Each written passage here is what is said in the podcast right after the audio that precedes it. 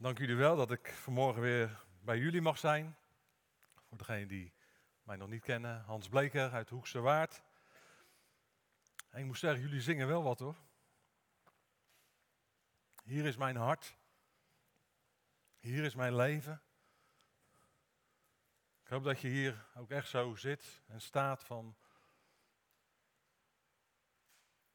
Heer, ik open mij voor uw genade. Spreek met uw waarheid. Waar Jezus komt met zijn genade, komt hij ook met zijn waarheid. Nou, als we hier zo bij elkaar mogen zitten en, en dat is de gesteldheid van ons hart, dan mogen we ook hier zitten met verwachting. Ik hoop dat je ook met verwachting bent hier, hier bent gekomen. Als je hier komt, zoiets van, nou, kom je uit gewoonte, zie ik iedereen weer even. Ik doe lekker mee met de dingen die gedaan worden. Ik ga weer naar huis. Of kom je hier ook van, van Heer, kom met uw genade. En waar het nodig is, raak mij, spreek mij aan met uw waarheid. Vanmorgen gaan we met elkaar kijken naar een gedeelte uit de bergreden. De bergreden van Jezus. En in Matthäus 5 lezen dat Jezus de berg opgaat en daar een toespraak geeft. Een soort college aan zijn volgelingen. Het is een toespraak met inhoud. Want door vele mensen wordt deze bergreden ook wel de grondwet van het koninkrijk van God genoemd. De basis van Gods koninkrijk. In de bergreden komt eigenlijk alles een beetje samen. En Jezus, hij houdt in de bergreden een aantal zaken aan het licht. Ik zit daarheen te kijken, deze hebben we ook nog. Een aantal zaken aan het licht, die allemaal wel iets te maken hebben met hoe Jezus wil dat wij het, het evangelie uitleven. De woorden, het evangelie wat Jezus onszelf heeft voortgeleefd, worden niet vanuit een menselijk denken, vanuit de menselijke haalbaarheid ook daarvan, maar vanuit God. Vanuit God zijn denken, vanuit wie Hij is. En ik denk dat de meesten van ons de bergreden wel kennen, anders herken je straks wel woorden die we met elkaar gaan lezen. Maar bij het lezen of het horen van Jezus' boodschap schijn reden, dan zit daar altijd wel een bepaalde spanning op. En die spanning bij de bergreden zit hem in de haalbaarheid van Jezus' woorden. Als wij nu met z'n allen voor onszelf de bergreden zouden gaan lezen, dan zullen we het snel over één ding stellig eens zijn. De bergreden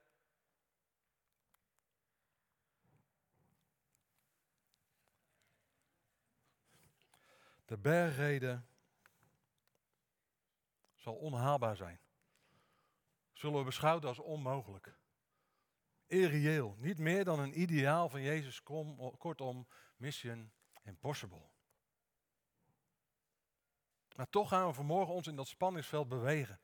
En dan staat niet de vraag van hoe dan centraal. Of wat vraagt Jezus wel niet van ons, maar de sleutel in de bergreden ligt vooral bij de vraag, wat biedt Jezus ons aan? Wat wil Jezus van jou en van mij maken? En ik zou je bij voorbaat willen uitdagen om om te denken. En voor jezelf nu al en ook gedurende de preek de vraag te stellen: is de boodschap van Jezus in de bergreden wel echt zo onmogelijk? En hopelijk kom je dan al snel tot de conclusie. Misschien blijft er juist maar één mogelijkheid over. En zit de onmogelijkheid hem juist wel in het feit dat ik zelf probeer om alle onmogelijke dingen in het leven in stand te houden of vast te houden. Dit even als intro van de bergheden. In zijn bergheden geeft Jezus over heel veel zaken onderwijs en ik neem aan dat hij daar goed over nagedacht heeft. Het zijn geen onderwerpen zomaar uit de lucht gegrepen. En een van de onderwerpen die hij aankaart is bezorgdheid. Bezorgdheid. En dat kunnen we lezen in Matthäus 6. Matthäus 6, vers 19 tot 34. En we lezen eerst de versen 19 tot en met 24. En dan lezen we, verzamel geen schatten voor jezelf op de aarde, waar mot en roest ze zullen verderven. En waar dieven inbreken en ze zullen stelen. Maar verzamel schatten voor jezelf in de hemel, waar geen mot of roest ze zullen verderven en waar dieven niet inbreken of ze zullen stelen. Want waar jouw schat is, daar zal ook jouw hart zijn. De lamp van het lichaam is het oog. Als dan jouw oog oprecht is, zal heel jouw lichaam verlicht zijn. Maar wanneer jouw oog kwaadaardig is, zal heel jouw lichaam duister zijn. Als het licht dat in jou is duisternis is, hoe groot is dan de duisternis zelf? Niemand kan twee heren dienen. Want of hij zal de ene haten en de ander liefhebben, of hij zal zich aan de ene hechten en de ander minachten. Jezus gebruikt die grote tegenstellingen. Haten, liefhebben, hechten, minachten. Er is geen tussenweg. Jezus vraagt een totale gerichtheid en hij is heel duidelijk. Je kunt niet. Onmogelijk. Mission impossible. God dienen en de mammon.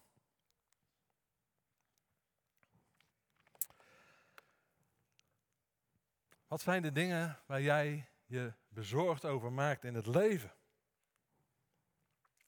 Wanneer Jezus het heeft over het verzamelen van schatten, dan heeft hij het niet over onze dagelijkse levensbehoeften. Over eten, drinken, kleding, een dak boven je hoofd. Hij heeft het ook niet over zorgen die we kunnen maken over vrienden, over familie, over collega's, over mensen in de gemeente. Maar hij heeft het over het verzamelen van materiële zaken en de bezorgdheid die we daarover kunnen hebben. Schatten voor het hier en nu. Schatten die straks bij de hemelpaardje geen rode rotcent op zullen leveren. Schatten, je geld en goed, je populariteit, je status, je trots misschien wel. Geld, je kunt het verliezen. Populariteit kan net zo snel weer verdwijnen als het gekomen is. Ouderdom zal ook het lichaam van een atletisch iemand doen aftakelen. De normale zorgen en problemen van het leven zullen ieders trots ook vernietigen. Als bezittingen je schat zijn. Als status belangrijk voor je is. Wanneer je vaart op successen die jouw eigen waarde misschien wel verhogen. Dan heeft dat invloed op je hart. Op jouw geluksgevoel. Op jouw humeur. Op jouw relaties. Hoe overleef je dat als dat er niet meer is? Het is volgens Jezus verderfelijk. Het zal, hoe dan ook, een keer verdwijnen. In ons welvarende Westen kunnen we veel waarde hechten aan al het materiële.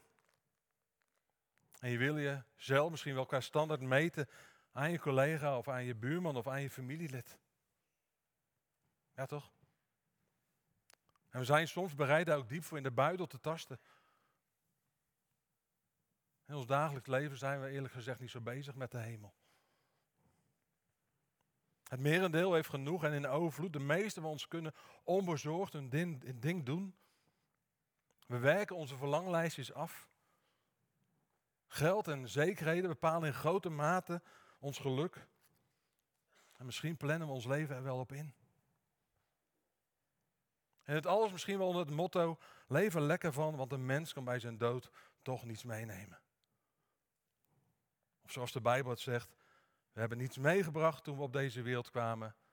En we kunnen ook niets meenemen. Dus gericht op het hier en nu. Als we heel de Bijbel goed doorlezen, is daar misschien op het eerste gezicht ook helemaal niets verkeerds aan. God, hij keurt rijkdom, hij keurt geld, hij keurt bezit ook helemaal niet af. En we worden ook aangespoord onze talenten te ontwikkelen en te benutten. Om te genieten van het leven en van de goede en mooie dingen. En je hebt hier ook gewoon je verantwoordelijkheden.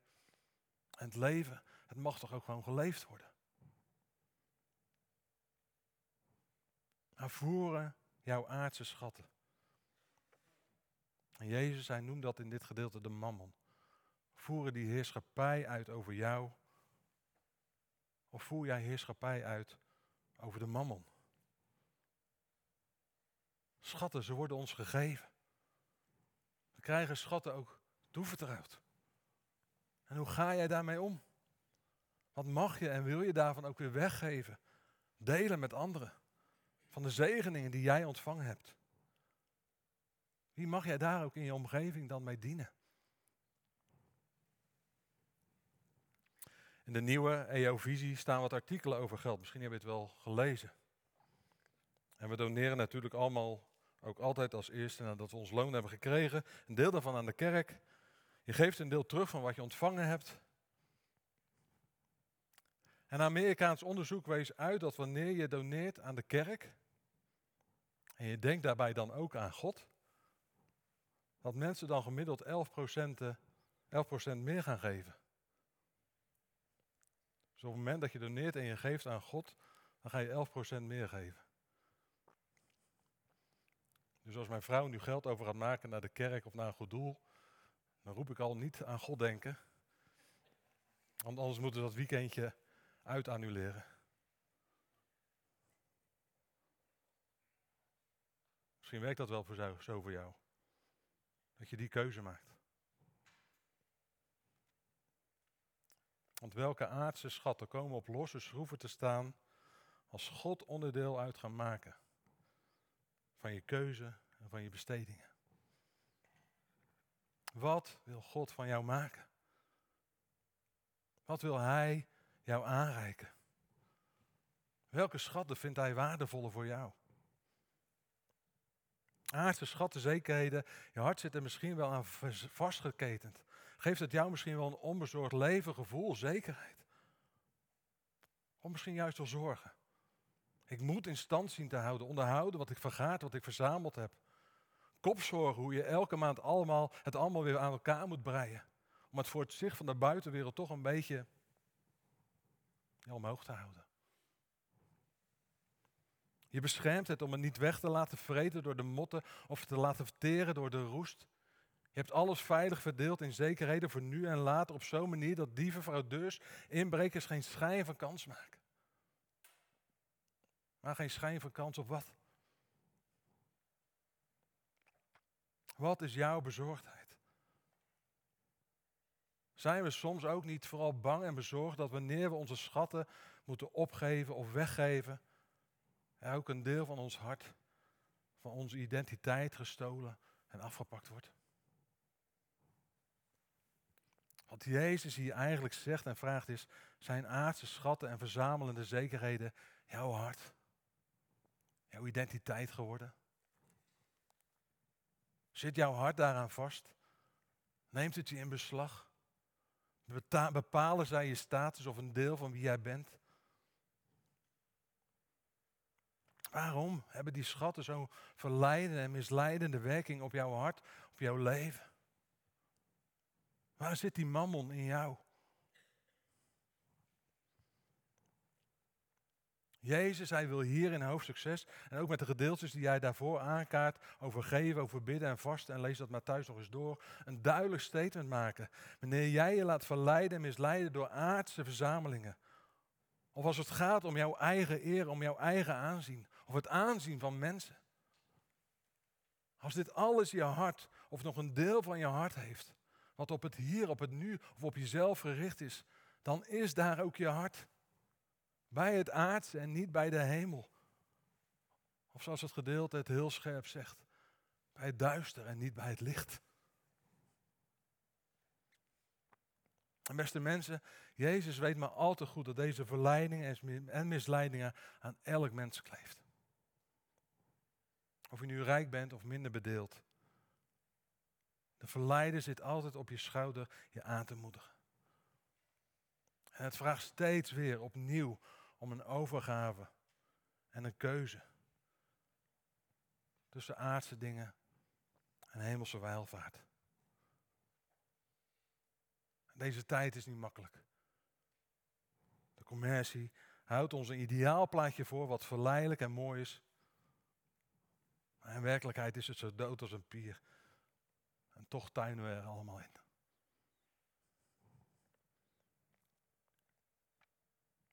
Ik vind het treffend hoe het eerste en het laatste gebod van de wet al op deze verleidingen inspeelt. Het eerste gebod zegt, vereer naast mijn God geen andere goden. En het laatste gebod zegt, koester geen begeerte, slechte begeerte. Hebzucht, het verzamelen, het verlangen naar het meer van de ander. Het zit schijnbaar in de mens. En het zal jou wegtrekken bij jouw tevredenheid en de vrede, de onbezorgdheid die je alleen maar kunt hebben bij God.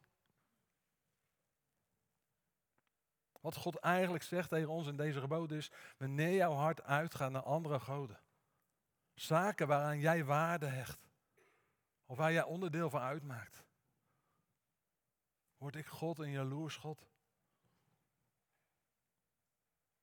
Jouw hart, jouw genegenheid, jouw liefde, jouw toewijding, jouw betrokkenheid, jouw vreugde, jouw bezit, jouw gerichtheid van het hart komen alleen mij, God, toe. Ik, God, heb toch de grootste aantrekkingskracht. Anders maakt mij dat jaloers, omdat ik jou niet helemaal voor mezelf heb. Weet je hoe dat voor mij voelt als jouw oog ook, op, ook nog het andere begeert, of vereert of najaagt? Ik heb het beste van mezelf voor jou gegeven. Mijn liefde is tot het uiterste gegaan. Wat mag het jou kosten? Waar gaat jouw hart naar uit? Als ik jouw God ben, wil je toch ook delen in alles wat ik ben. Schatten van de hemel.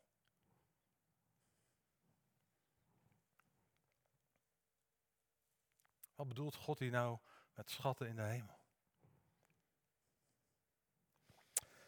In de Bijbel wordt dit begrip nergens concreet uitgelegd. Ik denk dat het hier aankomt op wat er in je hart leeft door het leven van Jezus en de geest van God in jou. Waar je oog, waar je hart op gericht is.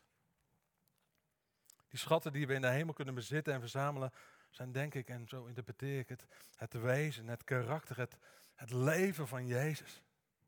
Zoek eerst het koninkrijk van God, zegt Jezus verderop in dit gedeelte. En al het andere zal je gegeven worden. En al het andere mag je delen. En in zijn gelijkenis heeft Jezus over, het, over de geheimenissen van het koninkrijk van God. Onderweg met Jezus mogen en kunnen we steeds meer, beetje bij beetje, van die geheimenissen, van die schatten verzamelen. Het is het meer gaan lijken op Jezus. Steeds meer van Hem in, met en door jou. Je gaat Jezus in en uitademen. Jezus, hij is naar deze wereld gekomen om zijn leven, zijn geest volkomen over op, ons, op, op ons over te maken. En God, hij is bijzonder geïnteresseerd. Bijzonder geïnteresseerd in hoeveel hij van zichzelf aan die schatten in jou gaat terugzien. Dat is zijn doel. Dat is zijn verlangen wat hij van jou wil maken. En niet straks, maar nu al. Hoezo? Mission impossible. Jezus, hij deed het ons voor. Door zijn zorg voor de armen en de zieken. Zijn opdracht is om te zien naar de weduwe en de wezen de gevangenen te bezoeken. Wie dat voor de mensen doet, die doet dat, voor, doet dat voor mij, zegt Jezus. Waar investeer jij in en wat geef jij weg? Kijk daar voor jezelf gewoon eens naar. En het is iets wat dus ook omgekeerd werkt. Waar jij in investeert, daar komt ook je hart bij te leggen. Zou jij meer hart willen hebben voor de armen? Geef dan aan de armen. Zou jij meer hart willen hebben voor de zending? Geef dan je tijd en je geld aan de zending. Zou je meer hart willen hebben voor de gemeente? Geef jezelf dan aan de gemeente. Ons hart is verbonden met onze betrokkenheid bij de dingen die we doen en waar we ons aan geven.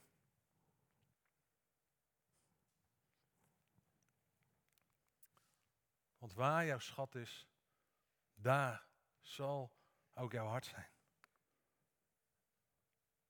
Ik zou hem ook andersom willen benoemen. Waar je hart is, daar zal je ook schatten verzamelen.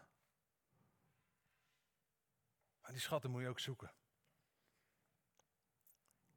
Jezus zegt ook ergens, het koninkrijk van de hemel is gelijk aan een schat verborgen in een akker. Jezus kunnen we ontdekken, verbonden mee zijn in deze wereld. Door plekken te bezoeken waar Hij is, waar we met Hem verbonden zijn.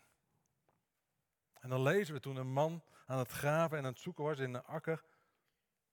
En de glinstering van die schat zag, was hij zo blij dat hij alles verkocht om de akker te kunnen kopen. Hij heeft er alles voor over om die verborgen schat te bemachtigen. Jezus, ik geef alles op voor u. Die man, hij maakte een keuze.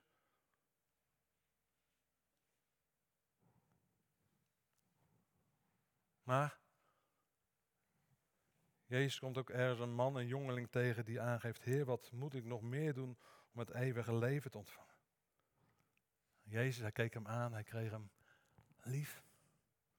En het antwoord vervolgens, ga naar huis, verkoop alles, je aardse schatten, en geef het aan de armen. Hemelse schatten. En kom dan maar weer terug naar mij en volg mij. Want waar je schat is, daar zal ook je hart zijn.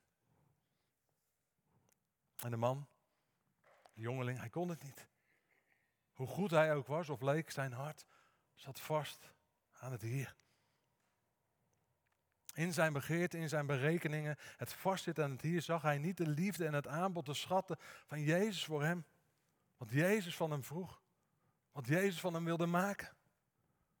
De schatten die voor hem klaar lagen.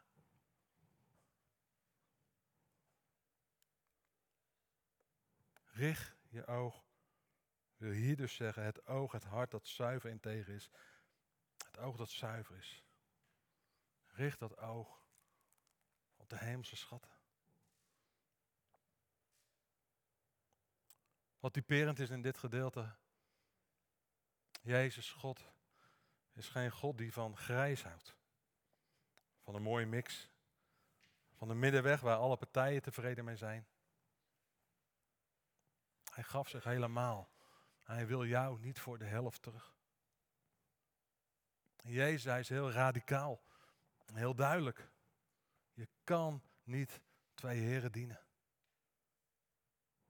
Je kan niet je geld zetten op hemelse en op aardse schatten. Want het is de ene haten en de ander liefhebben. Het is aan het een hechten en het andere, of het andere, zal je minachten.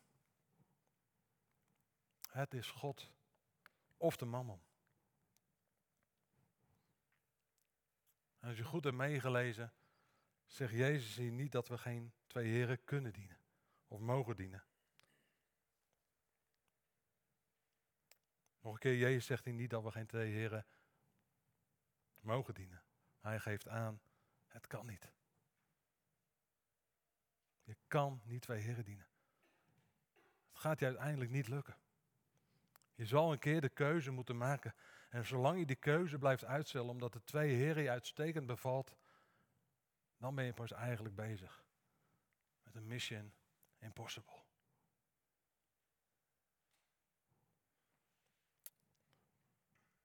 Dit gedeelte gaat over bezorgdheid, zoals we aan het begin aangaven. Ik vroeg me af, zou Jezus ook bezorgd kunnen zijn? Ik denk dat Jezus zijn zorg verwoord zit en voelbaar zit in deze woorden. Je kunt niet twee heren dienen. Hij ziet het te veel om zich heen gebeuren. En zijn woorden zijn naast radicaal ook woorden van bemoediging. Voor alle, voor ons als kleingelovigen, zoals Jezus het in deze gedeelte benoemt. Want wat zou jouw bezorgdheid nog kunnen zijn wanneer jouw oog, jouw hart volledig op Jezus is gericht? Als je daardoor schatten gaat ontvangen en uitdelen in plaats van alleen maar verzamelen. Als je gevuld wordt met hemelse schatten.